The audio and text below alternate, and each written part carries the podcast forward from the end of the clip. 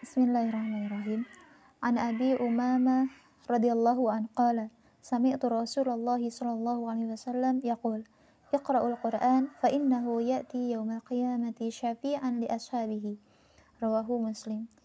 Dari Abu Umamah radhiyallahu an ia menuturkan, aku pernah mendengar Rasulullah sallallahu alaihi wasallam bersabda, bacalah Al-Qur'an karena sesungguhnya ia akan datang pada hari kiamat sebagai penolong bagi para pembacanya. Hadis riwayat Muslim. Hadis ini diriwayatkan oleh Muslim dalam tema Salatul Musafirin, salatnya para musafir, hadis nomor ke-840. Syafi'an atau penolong, maksudnya yang akan memintakan ampunan kepada Allah untuk pembacanya. Li ashabihi, para pembacanya, Maksudnya orang-orang yang membaca dan mengamalkan hukum dan petunjuknya. Membaca Al-Quran merupakan salah satu amalan yang utama karena Al-Quran dapat memintakan ampunan pada hari kiamat bagi orang-orang yang membaca sekaligus mengamalkan kandungannya.